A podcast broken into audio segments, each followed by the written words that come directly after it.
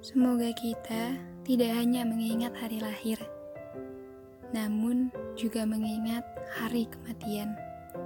Sultan Turgut Alparslan berkata, "Jika Anda pikir Anda bisa menakut-nakuti saya dengan mati, jangan.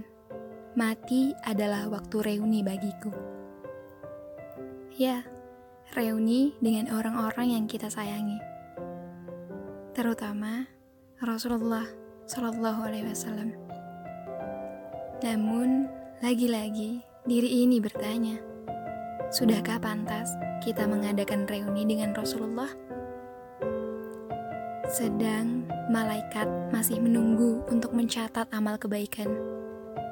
Sedang solawatku masih tertahan tak menggema di penjuru langit.